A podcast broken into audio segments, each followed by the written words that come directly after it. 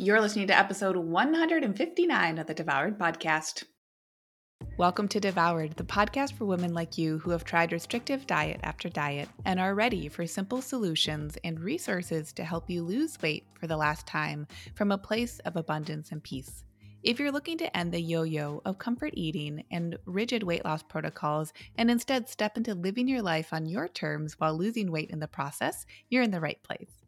Party people, what is going on? You're getting through another week and you are rocking it. You are slaying it. You're looking so cool. You're doing the cool stuff. And even if your brain is serving you all the thoughts to the contrary, I know the truth, which is that you are a human doing their best. And I, for one, am really proud of you. And I hope for you that you can feel some of that pride. Not that you have to feel proud all the time, but like, listen think of pride and, and being proud as like confetti sprinkles. They're just, it's fun. Just, and does everything need sprinkles? No. Are you going to turn sprinkles down if they're on something? I would say no. so, welcome to the show. Today we're talking about judgment and motivation. And specifically, what I'd like for y'all to know is that your judgment is not your motivation. What? Let me say that again. Your judgment is not your motivation.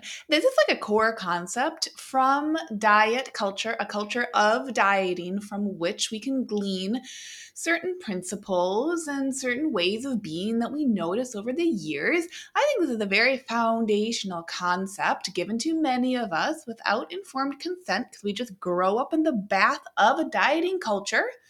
We're given the expectation and we see modeled to us from others, maybe those that we respect or culture at large, that in order to motivate yourself, you must be in judgment in order to do so. The ways that we see this it might not be in the action that someone is taking, but it's in the energy behind the action. What I mean by that is it is the driver from a deeply seated belief we have that is translating into the thoughts that we think, that's creating the feelings that we experience, that then we're taking those actions from.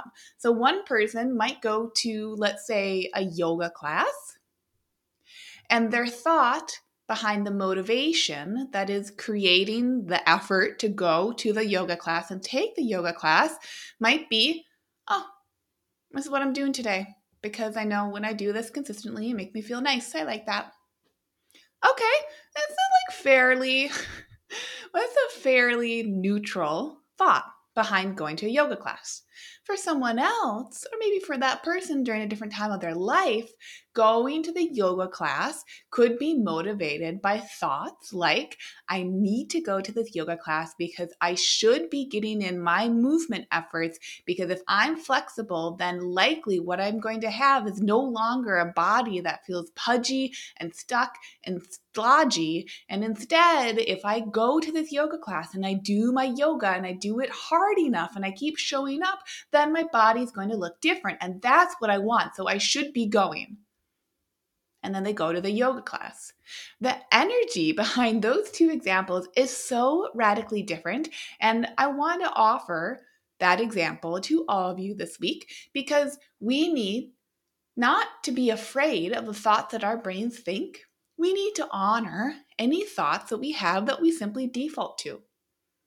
And that's why I bring up the subject of diet culture. It's not to be like, wow, get away from diet culture. Wow, diet culture is so hard. Wow, you have to be so radical all by yourself. It's lonely, it's isolating.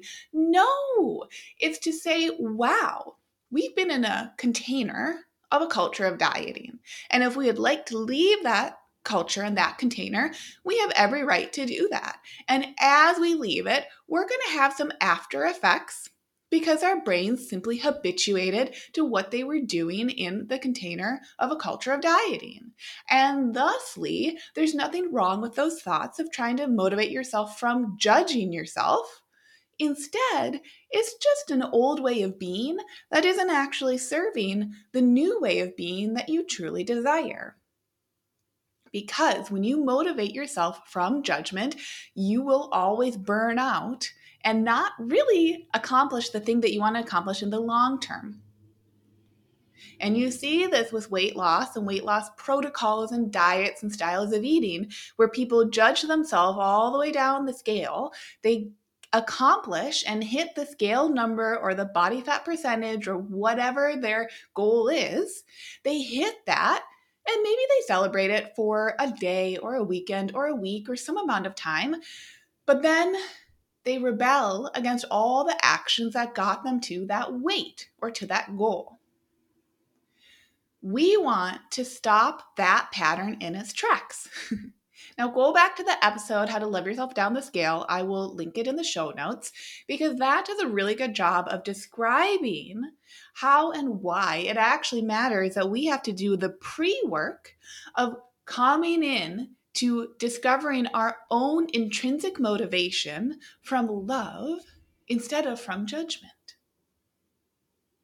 And when we create change from that love without that judgment as the core driver, listen, we're always going to have some judgment, okay? No one's trying to be Yoda. Like, that's boring. You're going to have judgment, whatever, that's fine. Let your brain be a brain. But it's that added level of self awareness of your brain might offer you a judgmental thought, and you can take it with a grain of salt and do the loving thing anyway. Because the actions that will come from that thinking pattern are going to be actions that will way more likely support you in your beautiful life that you are creating versus supporting you to get to a certain goal that is static and probably doesn't really align with what you value all that much, that then you drop away from and rebel from all those actions because they came from a place that is inherently against the core of you. And I think we miss this conversation very often, even in the world of being like, oh, yeah, no, I, I know I shouldn't judge myself to like make myself to do things yeah, we know that that's not going to feel so good. We know that judgment doesn't feel very good. But what I want to say is if we zoom out and take a step back, not only from the judgment in the moment or the week or the month, but we look at the pattern, remember that judgment, we're going to actually boomerang away from judgment as we're shifting and creating the lives that we love. So not only does judgment feel bad in the moment, but we might use it and leverage it to do something. Not only that, but we're going to find that the judgment that got us to the place isn't going to sustain when we're in that place because judgment is inherently not life giving for us. It just isn't. Okay? Judging ourselves, our bodies, even if we have deeply seated beliefs about about ourselves that we judge, like okay we're going to judge ourselves but we're not chronically we're going to like give ourselves a break from that judgment and that's what you see when you lose weight and you hit a scale number and you get to that number and then you rebound. That's you taking a break from judging yourself because you judge yourself to get there. This is why we do weight loss so differently in Lean and Liberated. This is why we slow down the pace. We slow down the pace of the weight loss because there's no rush when you're creating a life that you love. When you're creating a life that you love, you get to be in the driver's seat with play with curiosity, with creativity, and there's no way that you can mess things up. There really isn't, even when you have a day where you are harsh and all over yourself. That's still a learning opportunity. That's still just some thoughts that your brain has served you. You don't have to take them as the end all be all. They might feel more comfortable in the moment because they've just been habituated. They're just the thoughts your brain's like, oh yeah, I, I um I should think these. Well, I've thought them before, so I know I can think them. I'll just I'll just do it. It's easier. This is why in these acts of changing our lives, like that that is the nuanced intangible of change work. Is that it's actually not harder to think new thoughts. The only bit that is hard is that bridging from the old thought into the new thought because the old thought is comfortable, even if it's uncomfortably comfortable. You've heard me say that before. So, our thought, our brains are going to have a thought about thinking about shifting away from the old thought that gets very meta, and that's okay. And why do they do that? Because they're trying to protect us. They're going to say, I would rather be uncomfortably comfortable in motivating myself through judgment than the unknown of the land of what motivation could be like without judgment. I don't know what that is. And because I'm here to protect you, rest of my body, this is brain talking to your body, because I'm here to protect you, I would rather do the thing that I can predict, which is judging myself for motivation rather than the radical thing that is feels so far away. But everyone, I need you all to know it is not far away. You can motivate yourself in a hundred different ways that do not include judgment. All we need to do is practice. So I want you to choose a word right now. This is your homework for the week. I want you to choose a word that would describe a feeling that you'd like to experience more of. I'm going to throw some out, but like don't use these if they don't resonate with you and think of your own. Playful, energetic, open, curious, joyful, happy, compassionate, neutral, open minded. Any of those, or one that you like. Like, what is it? What would be a feeling, a sentiment of that future that you feel like you're moving yourself towards? Okay, now that you have that, I want you to take that word and mash it up with motivation, right? So we're no longer practicing judgmental motivation. We know that in and out. It is as comfortable as an old pair of black leggings. We get it. Now, take your word and I want you to combine that with motivation.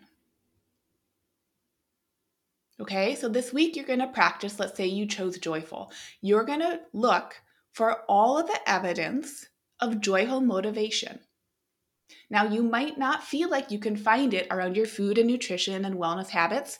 That's fine. Don't let your brain make you feel like you can't find it at all because you have more places in your life that you think about than just your food and nutrition, even if it feels like it takes over your life you already have proof in concept, especially if this is a word that you chose for yourself by yourself.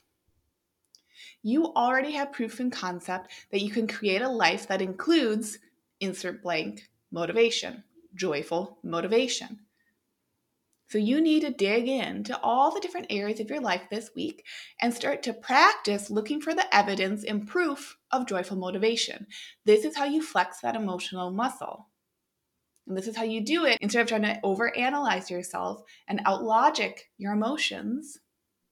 That'll just keep you in diet cycle for forever. Because that's what the dieting cycle is. It doesn't honor emotions.